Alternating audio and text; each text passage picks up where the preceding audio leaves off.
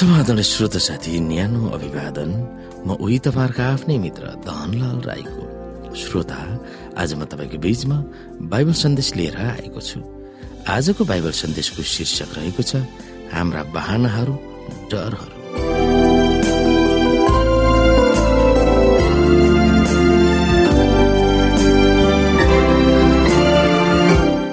श्रोत साथी निनबेको बारेमा र असिरिया र इजरायलको बीचमा के सम्बन्धित थियो भनेर हामीलाई बाइबलको नहुम भन्ने पुस्तकबाट केही कुराहरू देखाइएको छ। ती पदहरूले कसरी खुलासा गरिएको छ? निनबे नगइकन टर्सी जान योनाले कुन प्रभावमा निर्णय गरेका थिए भनेर हामी हेर्न सक्छौँ। निनबे सहरको विषयमा यो दुःखको वचन हो।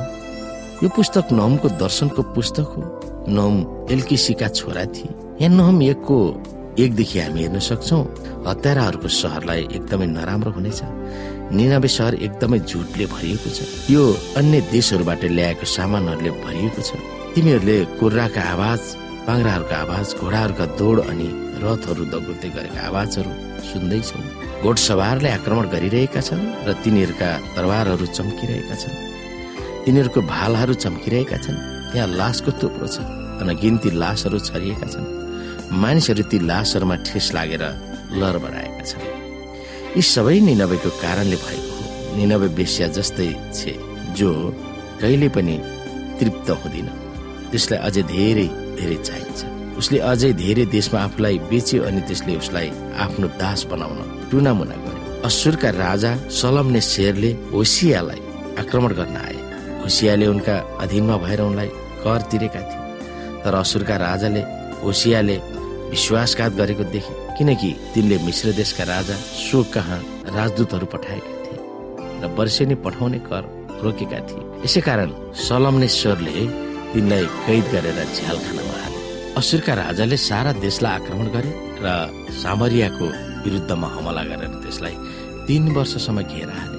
असुरका राजाले होसियाको नवौं वर्षमा सामरिया कब्जा गरे र इजरायलीहरूलाई कैद गरेर असुरमा उनले तिनीहरूलाई हलहमा हाबोर नदीको किनारमा भएको जोगानमा र मादियरका नगरहरूमा बसाले यसै कारण असुरका राजाको विषयमा परमप्रवेश भन्नुहुन्छ। त्यो यस सहरभित्र पस्ने छैन अथवा त्यसले एउटा काँड पनि यहाँ हान्ने छैन। यो ढाल लिएर यसको अघि आउने छैन अथवा यसको विरुद्धमा घेरा मचन लगाउने छैन। त्यो आएकै बाटो भएर फर्किजानेछ यस सहरभित्र त्यो बस्ने छैन। परमप्रभु यही घोषणा गर्नुहुन्छ। मेरो खातिर र मेरो दास दाउदको खातिर म यस सहरलाई रक्षा गर्नेछु र बचाउनेछु। त्यस रात परमप्रभुका स्वर्गदूत निस्के र तिनले असुरको छाउनीमा एक लाख पचासी हजार मानिसहरूलाई मारे। जब भोलिपल्ट बिहानी मानिसहरू उठे त्यहाँ सबै लासहरू मात्र थिए। यसैले असुरका राजा सन हेरिप आफ्नो छाउनी उठाएर फर्की गए उनी निनामेमा फर्केर गई बस्न लागे। एक दिन जब उनी आफ्नो देवता निश्रोकको मन्दिरमा पूजा गरिरहेका तब उनका छोराहरू अद्रम मेलक र सरेशेरले उनलाई दरबारले मारे र उनीहरू आरारात देशमा भागेर गए।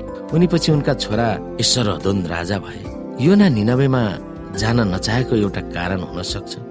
डर सिरियाका मानिसहरू इजरायलीहरूका भयानक शत्रु थिए र निनबे पौराणिक शक्तिशाली राज्यको राजधानी थियो। पौराणिक संसारको विभाजित इसरायलका दिनहरूमा भएका सहरहरूमा निनबे अत्यन्तै महान थियो। यो सहर तत्कालीन शक्तिशाली राज्य असिरियाको राजधानी थियो। त्यो देशको अस्थायी समुन्नति भएको समयमा निनबे अपराध र दुष्ट समाजको केन्द्र थियो। बाइबलले बताउँदछ कि यो सहर रक्तालु डकैटी र झुटो तत्त्वहरूले भरिएको अगमवक्ता नहुमले निनबेका मानिसहरूलाई निर्दय र रक्त पिसासु सिंहको चित्रण गरेका थिए। तिनीहरूमा दुष्टता के निरन्तर रूपमा चलिरहेका थिएनन्। निनबे भव्य सहर थियो। सेन हरिफले त्यस सहरलाई धेरै ठुलो बनाएका थिए। यी कुरा इतिहासकारले बताउँदछ। त्यस सहरको दक्षिण पश्चिम क्षेत्रमा भव्य दरबारको निर्माण भएको थियो। त्यो दरबार सोह्र सय पचास लम्बाइ र सात सय चौरानब्बे फुट चौडाइ थियो। पाँच सय तिन मिटर लम्बाइ र दुई सय बयालिस मिटर चौडाइ। त्यस दरबारमा कम से कम अस्सीवटा कोठाहरू नै थिए। उनले चालिस माइल वा पैँसठी किलोमिटर टाढाबाट सहरमा पनि ल्याउन सिँचाइ नदीहरू निर्माण गरेका थिए। त्यस सहरको भव्यतामा सबैका आँखाहरू तिर्मिराउँथ्यो तर सिरियनहरू कठोर र निर्दय थिए। आफ्नो बेबिलोनलाई कब्जा गर्दा लेखिएको युद्धको विवरणमा सेन हरिफले ठुलो घमण्ड गरेर लेखेका थिए। यी सहरका सडकहरू त्यस देशका जनताहरूको लासले भरिरहेका थिए। के बुढा के जवान सबैलाई निर्मम हत्या गरेका थिए। त्यस ठाउँमा उत्खनन गर्दा ढुङ्गामा कुदिएका धेरै चित्रहरू भेटाइएका थिए। ती चित्रहरूमा सिपाहीहरूले मानिसहरूका छालालाई काटिरहेका थिए। ती मानिसहरूका सामु कोही पर्न चाहेका थिएन।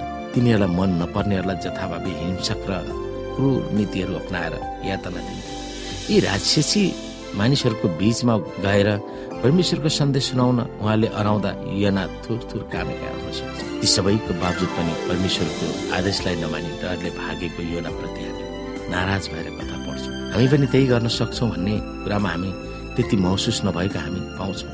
कतिपय समयमा परमेश्वरले भन्दा डरले हामीलाई नियन्त्रणमा लिएको हामी पाउँछौँ। त्यो समयलाई हामी सोच्न सक्छौँ परमेश्वरले तपाईँ हामीलाई के गर्न हराउनु भएको थियो? तर डरले तपाईँ गर्न चाहनु भएको थिएन।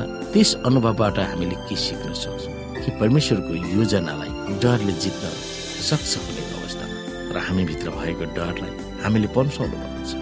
र परमेश्वरको योजनालाई हामीले खोज्नु पर्छ भन्ने हामी यहाँबाट सिक्न सक्छौँ।